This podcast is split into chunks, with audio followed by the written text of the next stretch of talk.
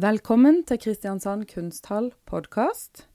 Jeg heter Miriam Christensen og sitter i studio med kurator og daglig leder for Kunsthallen, Cecilie Nissen, og kurator Pernille Skar Nordby. Hei. Hei. Hei. Forrige gang snakka vi om lokale omkalfatringer, som er en utstillingsserie på tre utstillinger. Som har vært og er i eh, Kunsthallen nå. Vi er i august 2020. Eh, siden sist så har det vært én gruppeutstilling til, og nå er det en soloutstilling som åpner på lørdag. Mm. Det stemmer. Cecilie, kjapt om forrige utstilling. Hvem var med i den? Ja, altså det var jo en litt spesiell tid, fordi at eh, eh, Altså 2020 altså, For den første utstillingen åpna jo i februar.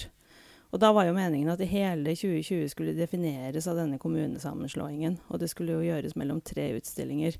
Og så ute i mars, da, så kom det jo en pandemi og eh, gjorde at vi stengte. Så vi var jo nødt til å utsette hele programmet.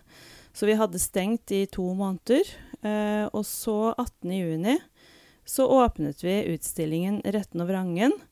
Eh, som åpnet da som sommerutstilling i stedet for denne utstillingen vi åpner på lørdag, som egentlig skulle vært sommerutstillingen. Og 'Retten og vrangen' skulle egentlig ha vært i vår. Eh, så den åpna da. Og av de kunstnerne som var med i 'Retten og vrangen', så var det Ingrid Lønningdal, Pia Eikås, Thomas Bo Østergård og Sebastian Kjølås og Siri Hjort. Det ble en litt spesiell vår. Vi kan vel rett og slett si at eh, pandemien tok eh, litt mer av folks oppmerksomhet enn kommunesammenslåing og regionreformer Mm. og fylkessammenslåinger. Det var plutselig ikke så mange som Nei, på et tidspunkt så tok det jo nesten mer av vår oppmerksomhet eh, også. Selv om Ja. vi er ganske over gjennomsnittet opptatt av kommunesammenslåing. Ja. Og så ble jo den regionreformen også avlyst, da, midt oppi koronaen. I hvert fall for Eh, kulturlivet ja. sin del. Ja. Kommunene er sammenslått, men eh, Fylket er jo sammenslått, Ja. men det ble jo ikke noe, noe, noe for kulturlivets del. Altså den biten ble jo lagt til side. det gikk også nærmest upåaktet hen, tror Ja. jeg, for de fleste. Mm. Oppi smittetall og smittevernhensyn. Men hvordan er det å lage utstilling midt i en sånn pandemitid, da? For det, altså, plutselig er det tusen andre ting å tenke på enn selve kunsten, kanskje.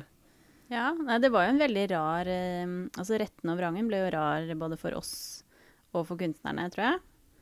Mange av prosjektene var jo helt ferdig og skulle bare opp på veggen eller installeres. Eh, så vi begynte vel med å utsette. Vi måtte jo stenge også. Ja, først så var det jo helt stengt. Da gjorde vi jo ikke noen ting. Da ble man jo pålagt å stenge. Og så begynte vi å installere én og én kunstner. Um, så Pia Eikås sitt prosjekt var jo ferdig installert i april. Mens noe kom på plass. Eh, Thomas Boe Østegård sine verk fikk, hadde vi problemer med å få inn i Norge pga. stengte grenser. Så det var på plass rett før åpningen, som da ble 18. juni. Ja.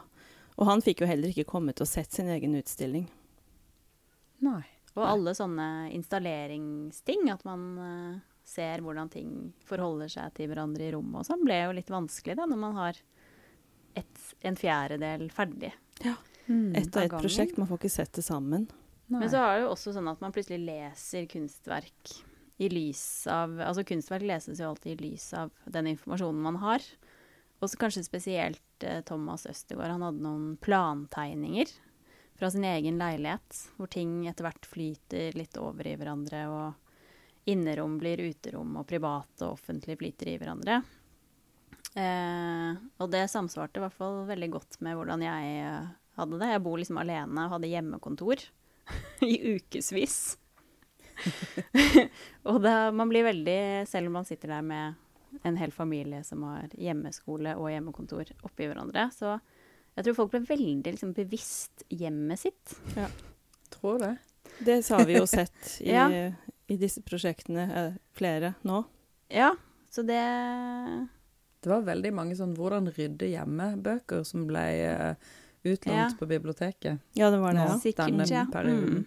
Ja, vi rydda jo også, for at vi hadde jo Altså, vi var jo veldig få på jobb. Vi hadde jo hjemmekontor først, vi også, i den perioden det var stengt. Men så begynte vi å komme på jobb, for vi har jo ganske store lokaler her.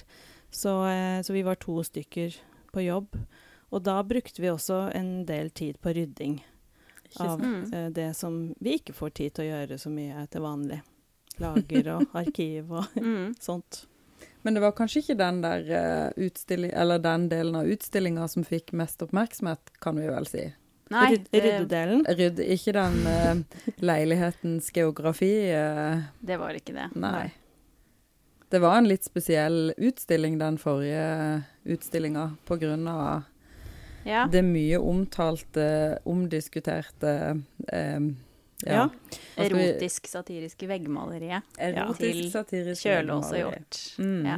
Altså erotikk og ytringsfrihet var det jo mye snakk om i den utstillingen. Da. Det var jo det som fikk stor oppmerksomhet. Fordi Mm. at eh, på grunn av også eh, forskyvninger i programmet, så kom jo den utstillingen rett etter at, eh, at eh, Cornelius Jakkelen hadde laget en utstilling som også handlet om debattklimaet i byen her, sånn at det ble jo veldig, fikk jo veldig mye oppmerksomhet. Eh, for vår utstilling kom jo også en uke etter det. Ja, Og vi har vel lært at eh, man må planlegge tiden sin litt annerledes hvis man har en eh, naken eh, kronprinsesse figurerende i utstillingen. Mm. for du må plutselig sette av tid til en god del sånn presseoppfølging, eh, intervjuer med NRK og sånn. riksmedia. Det er rart at På man alle ikke flater. Eh, Ja. Og det var noe tysk sladderpresse som skulle ha noen bilder. Eh, det var snakk om billedrettigheter. Noe, ja.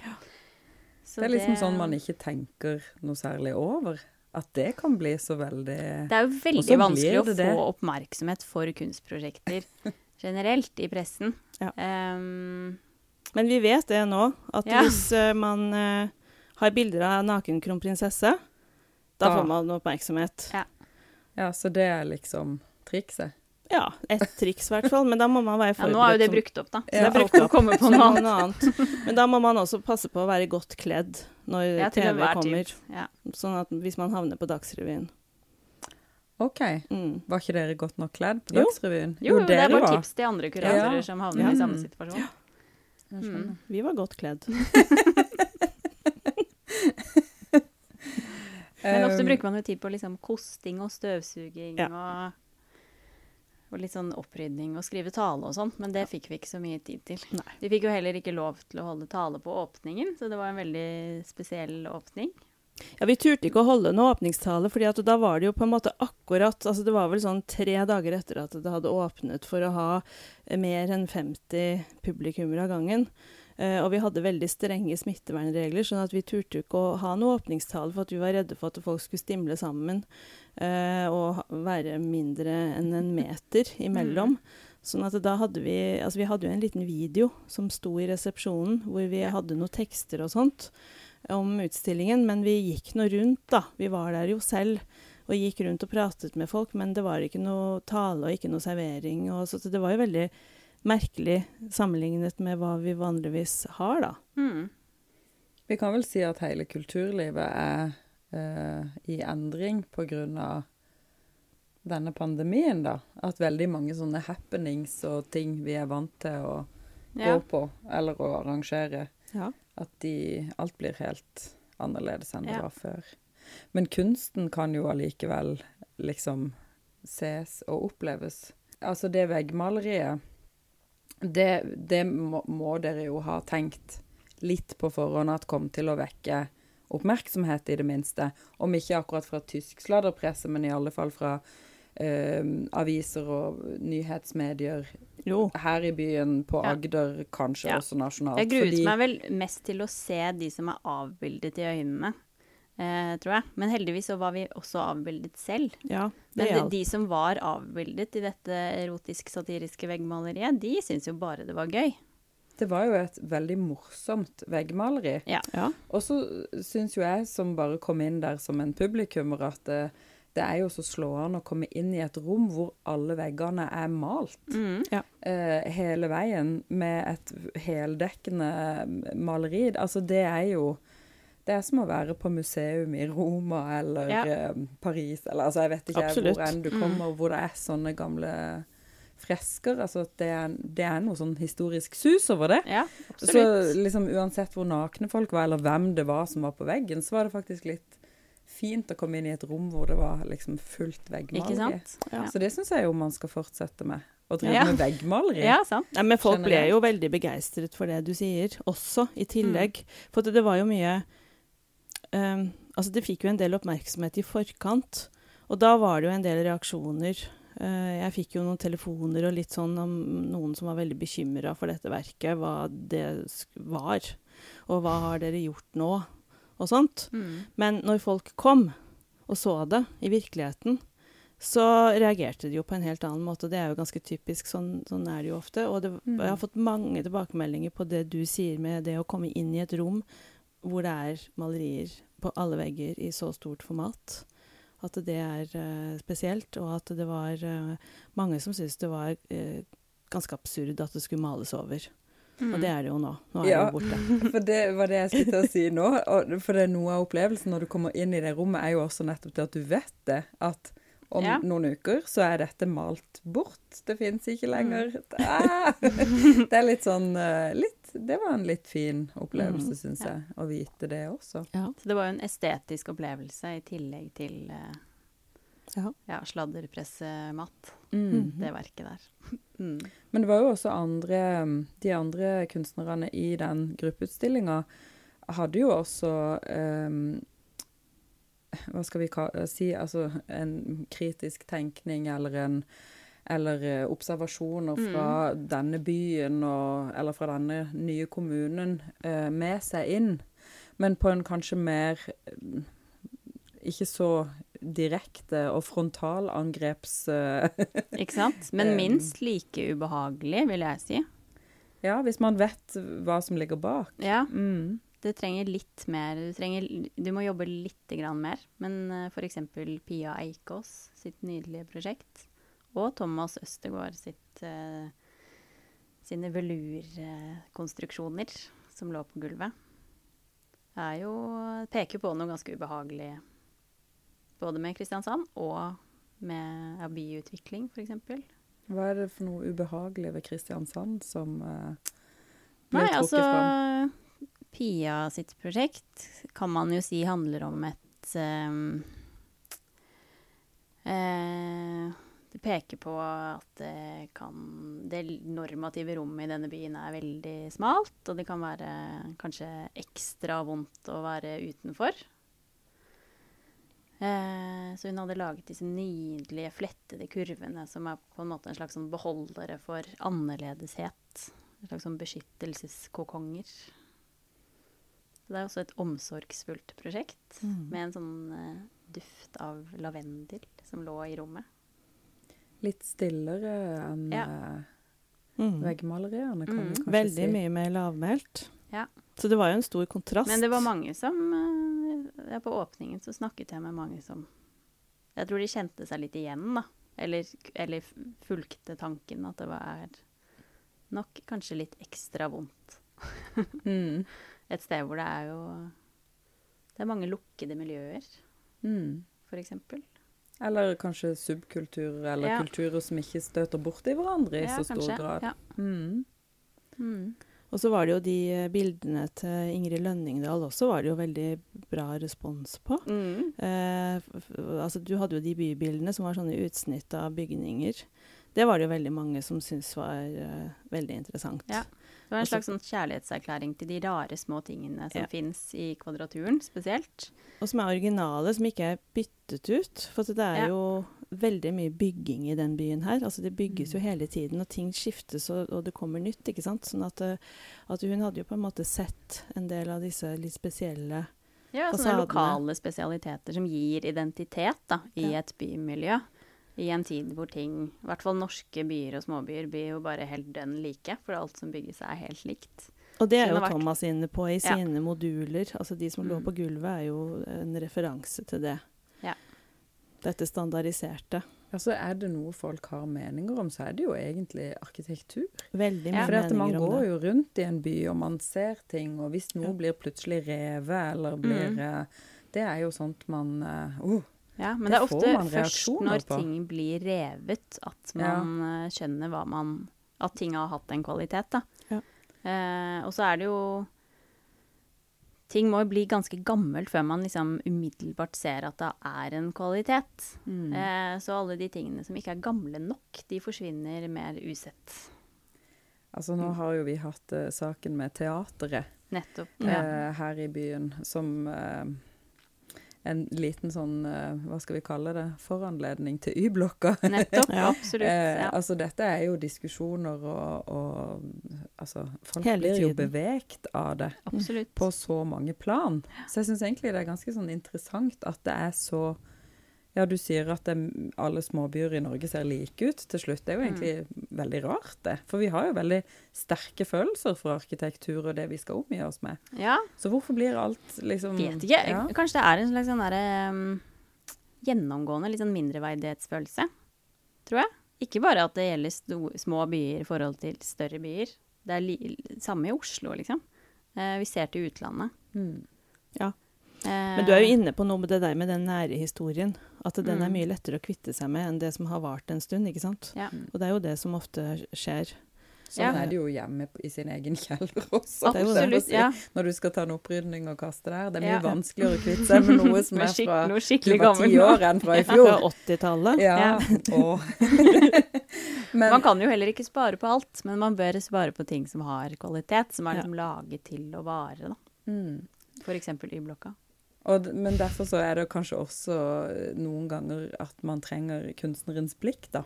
Ja. Og, og få de her små utsnittene som hun Lønningdal hadde, for å Mhm. liksom se eh, de detaljene som ikke vi kanskje ser da, Ja, så og det er jo det, nettopp det hun får til. Og det var så gøy å se hvordan folk sto foran hver eneste kollasj tett opptil og var liksom superengasjert. Og oh, ja, vinket der, på liksom. hverandre. Ja. Og, Kjent igjen, og der har jeg bodd, ja, og mm, Mm. eh, sånn.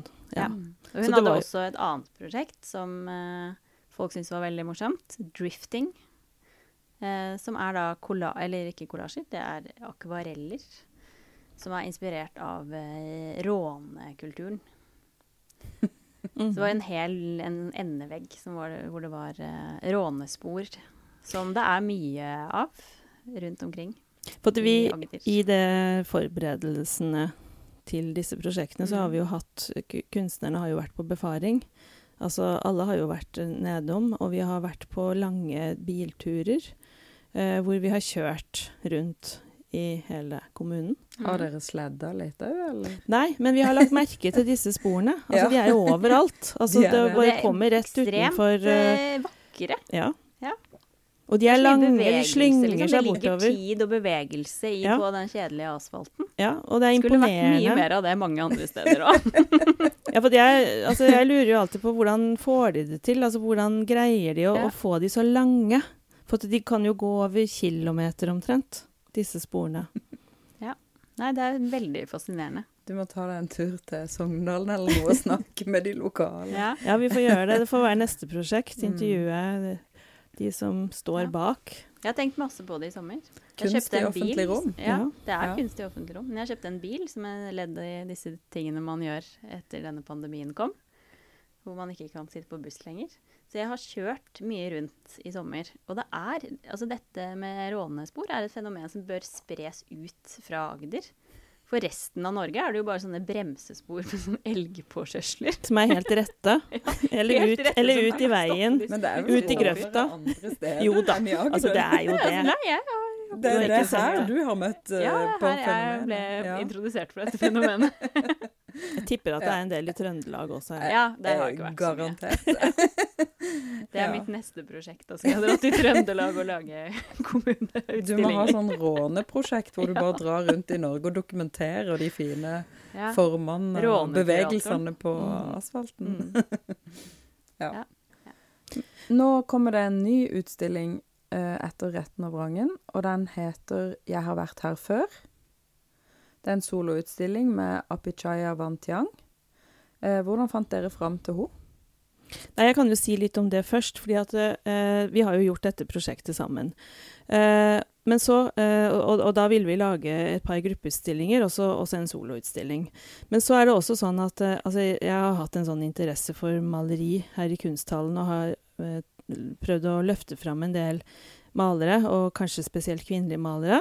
Og så har jeg fulgt med på henne en stund og sett hva hun har gjort, og vært veldig sånn imponert over hennes arbeid. Og så, eh, så til begynnelsen så diskuterte vi jo det, og da fant vi ut også at det passa. For da, altså vi pleier å vise maleri om sommeren, og det var egentlig meningen at hun skulle da være i sommer. Eh, men det har det jo ikke blitt da pga. covid-19. Og det, vi fikk jo maleri om sommeren allikevel, med noe av det andre. Men, men uh, hun, i tillegg så passer jo hun også veldig godt inn i dette prosjektet. Uh, ut fra hva det er hun jobber med uh, innholdsmessig.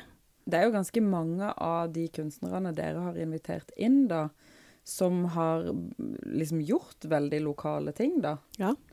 Uh. Selv om kanskje ikke de er fra regionen, så har de kommet hit og forska på ting her ja. uh, i Kristiansand. Men det har kanskje ikke Apichaya Vantiang gjort. Og vi lo jo litt uh, i en mailutveksling her for noen uker siden. Så spurte Pia, som hun kaller seg da, um, om hun måtte om hun måtte deale sånn direkte med den kommunesammenslåingen, for hun hadde ikke tenkt så direkte på det. Nei, da hadde hun jobba ganske vi, fritt. Vi tar oss av den kommunesammenslåingsdelen. Ja. Du bare jobber med dine ting. Ja, Så ordner vi det der, med ja. å sette det inn i den sammenhengen. Ja. ja. Eh, men det Altså, Pia har jo Hun har familiebakgrunn fra Thailand og vokste opp i Belgia delvis, og har eh, bachelor fra en kunstakademi i Belgia og master fra Kunstakademiet i Bergen og bor nå i Oslo. Eh, og sånn er det jo litt i dag, at det er mange som liksom rekker innom flere hjemsteder eller hjemstavner i løpet av et liv, og, og, så tar vi med oss litt av hvert sted, og så blir det sammen en, hvem vi er.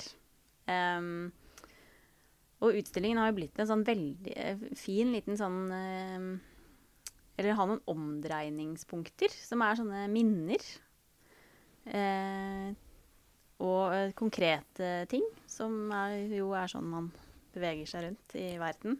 Så det er både en sånn uh, følelse hun har gått tilbake til, som er et barndomsminne fra besøk hos bestemoren i Thailand. Hvor hun pleide å sitte på trappen utenfor huset, bakvendt i trappen, sånn at hun satt på ett trappetrinn med beina dinglende mellom to. Og brukte da neste trappetrinn som en slags pult. Og der satt hun og drodlet og tegnet og tenkte. Som et positivt barndomsminne i en sånn fysisk struktur. Så den finner man igjen i utstillingen. Og så er det taket i bestemoren sitt hus, som er sånn typisk thailands, eh, thailandsk arkitektur, hvor det er viktig med god luftgjennomstrømning og sånn. Eh, litt glidende overganger mellom ute og inne. Så det er sånn helt spinkelt skydd, nesten et telt, som lar både lyder og luft siver gjennom, men som er liksom en beskyttelse for, for blikk, da, mer. Um, så det finner vi igjen i utstillingen. Og så er det noe vi kan kjenne oss igjen i, tror jeg, alle sammen. For vi fikk jo alle, eller veldig mange av oss i hvert fall, plutselig masse, masse tid i gave i mars. Hvor, vi, hvor alt bare stoppet opp. Eh, hvor hun selv eh, tilbrakte mye tid i sengen og leste og hvilte. Eh, og så på TV og dokumentarer og sånn. Så det er en seng. Som snirkler seg gjennom rommet. Ja. Lang. Eh, og så var det en av disse dokumentarene Pia så, så bet hun seg merke et sånn helt sånn uh, bitte lite klostervindu i en dokumentar høyt oppe på veggen i et kloster i Firenze.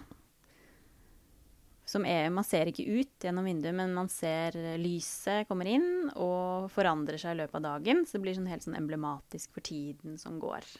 Og det finner vi også igjen i, i utstillingen. Så det er noen sånne helt sånn rare, hybride former som er vanskelig å sette i bås. Basert på disse barndomsminnene og denne sengen. Eh, og så er det to ulike rom som er gjentatt to ganger. Som man beveger seg gjennom og får en slags sånn følelse av å ha vært der før. Eller déjà vu-følelse. Ja. Så tittelen kommer der. 'Jeg har vært her før'. Mm. Så det, alt oppleves jo to ganger. Ja. Men dette er jo fysisk bygde installasjoner i rommet. Absolutt. Ikke det som folk tenker på når de hører at det skal være en maleriutstilling. Nei. Altså, det er jo eh, Maleriene er der jo. Men de er jo bygd inn i disse arkitektoniske installasjonene som man da kan gå igjennom og gå opp i. Og klatre opp i. Og se Eller hvile i. Eller hvile i. Man kan sitte. Man kan, men det som er jo veldig interessant, syns jeg, er jo det at du får helt nye utsiktspunkter eh, inne i kunsthallen også. ikke sant? Altså at du kommer høyt opp. Du kan se utover torvet, f.eks. Det kan vi ikke til vanlig. Eh, nye utsikter, som er veldig fint. Eh, og så er jo alt gjenbruksmaterialer. Det er vi Ja. også opptatt av. Det er, jo, det er jo også et ganske kritisk prosjekt mot eh, sånn sedvanlig utstillingsproduksjon, hvor man hele tiden har nye materialer og lager nye verk. Som man Eh, kvitter seg med med ja, etterpå. det speiler jo den verden vi lever i, som er veldig effektiv og eh, ja, drevet av effektivitet og, og, og nye ting hele tiden. Um, så dette er jo i veldig stor grad gjenbruksmaterialer fra en stor sånn um, kunstig offentlig rom-prosjekt som Pia ble ferdig med for ikke så lenge siden. Uh, både farge, altså til oversfarge, uh, har hun brukt til tekstiler og materialer. Og hun ønsker at eh, materialene her skal komme andre kunstnere som trenger materialer til gode etter denne utstillingen. Eh, og det her er jo også liksom tvunget fram av den tiden vi har vært i, hvor det har vært vanskelig, sånn som vi var inne på i stad, med transport av verker. Ja. få tak i ting, bestille ting. Så hun har Um, brukt både materialer og ideer, på en måte, som, eh, som har ligget rundt på atelieret. Og det, har- det har jeg sett det flere ganger i løpet av de siste månedene, at kunstnere har plutselig begynt å levere helt andre typer modeller til utsmykningsoppdrag, f.eks. Eh, fordi man kan ikke gå og kjøpe sånne fancy nye i arkitektursjappene. Man må bruke det man har, da. Eh, og det blir jo mindre sterilt, kanskje. Men det er eh, Ja. Jeg liker det. Det har blitt veldig, veldig fint. Men eh, det blir spennende da å kunne gå inn i kunsthallen og klatre opp i et eh, teltaktig bygd eh, Mm. Ja. Det er en utstilling som fungerer på mange nivåer. Også på gøy for barn i alle aldre nivåer.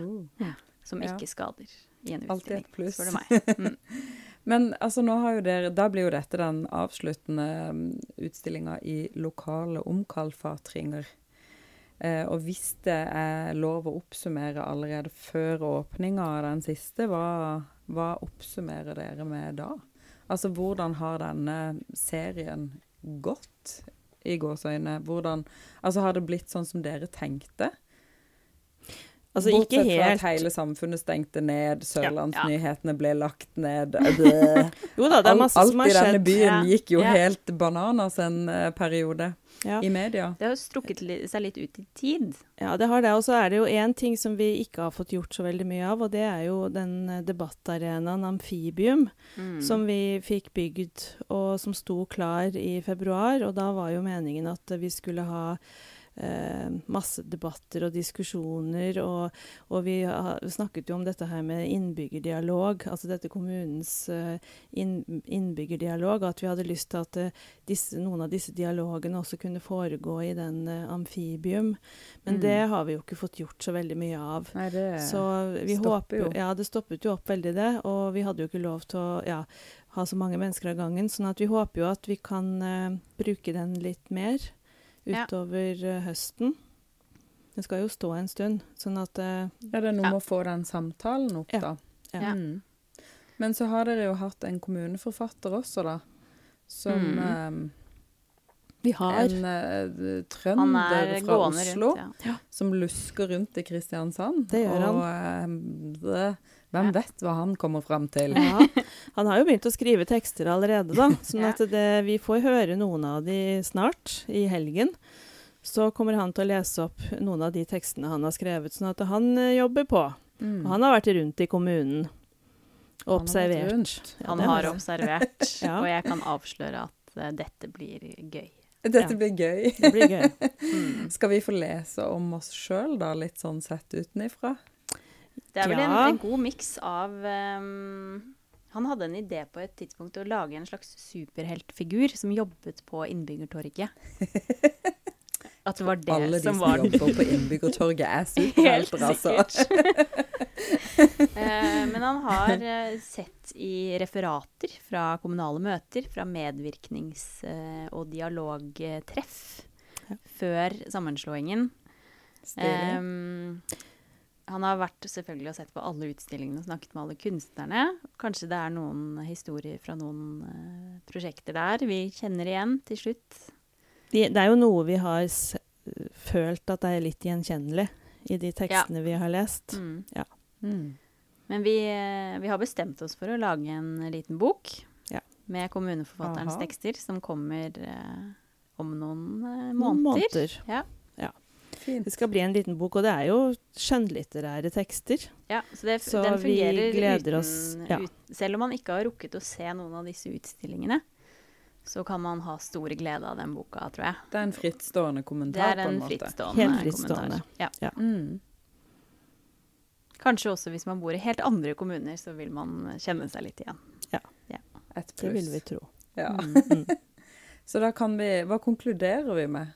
Lokale omkalfatringer. Ble det så mye omkalfatringer som Altså, hvordan har egentlig Nei, jeg vet jeg ikke helt hvordan hvordan folk føler seg nå, jeg. Føler Nei, de seg liksom sammenslåing tråkka på og forlatt, og- eller? Jeg har observert at det har vært, kommet en del ny asfalt oppover Sogndalen. Det har det, og så har det kommet nye Um, skilt. Det har kommet nye Altså, det- skilt. det er litt lurer på om det er noen som har blitt lovet noe. Hva fikk de tilbake? Ja, fordi at Hva har de gitt? Hva har de gitt, ikke sant? Og hva har de fått? Fordi at når vi har kjørt oppover der nå, så har vi registrert nye stedsnavn. Altså på mye mindre steder enn det det var før. For at Før så sto det jo Sogndalen, liksom, og nå er det borte. Og så var det liksom tre-fire navn som vi tenkte at dette var da ikke her forrige gang. Nei. Så det kan hende at det liksom det blir mindre Jeg vet ikke. Ja. Mot mindre at, enheter. eh, mot at det har blitt en stor enhet, så har de små enhetene blitt benevnt Ja, i større grad. i større grad. Har det noe å si? Ja. Jeg vet ikke. Vi vet ikke. Kanskje kommuneforfatteren finner ut av det. Det kan Ja. også være. Og så er det jo noen resultater, da. Noen sånne direkte resultater.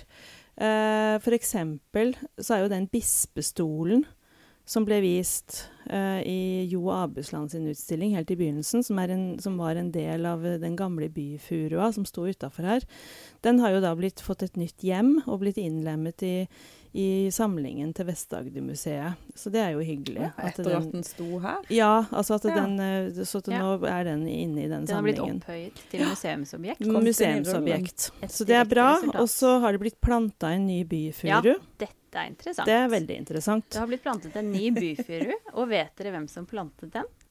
Faren til Nicolai Tangen. Ja. Som vi, det viser seg at han også i sin tid plantet den eksisterende byfurua. Den første. Er det tilfeldig? Hvor gammel er faren til Nicolai? Nei da. Nei, og det er ikke tilfeldig. Overraskende ung, hvis du ser på, okay. på treet. Ja. Ja.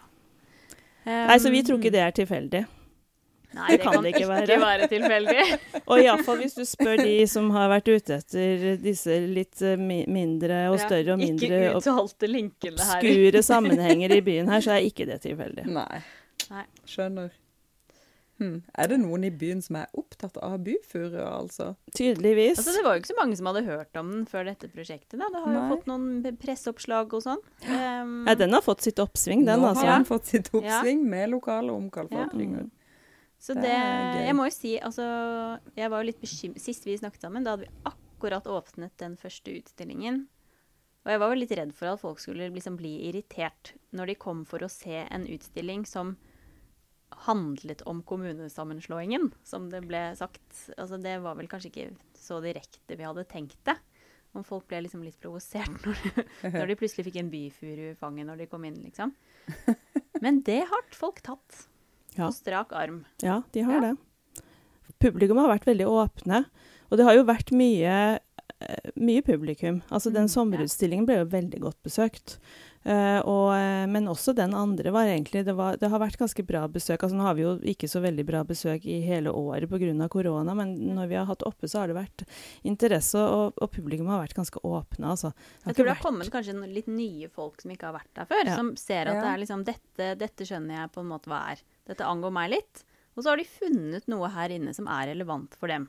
Men tror du ikke det det, har vært litt uh, Altså at det har kommet fram at det er litt humor inne i bildet? Jo. på Ikke et vis. sant? Det Og har det. humor, det er jo viktig. Det liker folk. Særlig i forbindelse med kunst. Ikke sånn ha-ha, satirehumor. Nei. Det er ikke det jeg mener. Vi har jo hatt det òg, da. Ja, Ja. det har jo virkelig vært i det veggmaleriet, men kanskje nettopp det også gjorde at folk tenkte at Det er litt avvæpnende, da. Ja, at må- kunsten kan handle om noe så ekstremt usexy som kommunesammenslåing, og bruke humor. Ja, altså at man Lager en man, trygg grunn Man må ikke være gravealvorlig for å gå inn i en kunsthall, da. Nei. At det er lov å gå inn der og ha et lekende forhold til kunsten som er der inne. Det er akkurat det, og vi har jo hatt det veldig moro. Altså, dette Ja, ja, har vært et veldig veldig gøy prosjekt, og jeg håper jo kanskje at det kanskje smitter litt over, da. At det uh, At noen andre også Ja, kanskje kjenner litt på det. så klart. At dette er jo et fryktelig gøy tema Mm. å jobbe med. Og, eh, og et annet Altså hvis vi skal se litt på sånn konsekvenser og resultater og sånn, så har vi også hatt besøk av i hvert fall én delegasjon fra en fylkeskommune. En Som, annen en annen fylkeskommune enn en, en. Ja, ja, ja. enn denne. Jeg tror vært... også at det har vært en, eh, kanskje noen grupper inkognito fra andre Ja, kommuner. Det hadde ikke ja. overraska oss, For det. å sjekke ut litt Ja. eh, kommunetrykket Ja. i Kristiansand. Ja. For at vi håpet jo at dette kunne være inspirerende for andre kommuner Mm. også. Mm. Det Og tror jeg vi sa i begynnelsen. det, man ser sjalusien i øynene på andre kommuner når man Ja. nevner det. Når de skjønner at vi har Eivind. Hofstad Evjemo Ja. som vår egen kommuneforfatter, Ja. faktisk. Mm. Det er det flere Det er vi veldig stolte over. Det er gøy. Ja, vi er veldig stolte over det. Mm. Mm. Der har vi gjort et skup, rett og slett. et skup. Da erklærer vi altså lokale omkalfatringer for en suksess. Og så sier vi takk for oss her ifra Kristiansand Kunsthall podkast.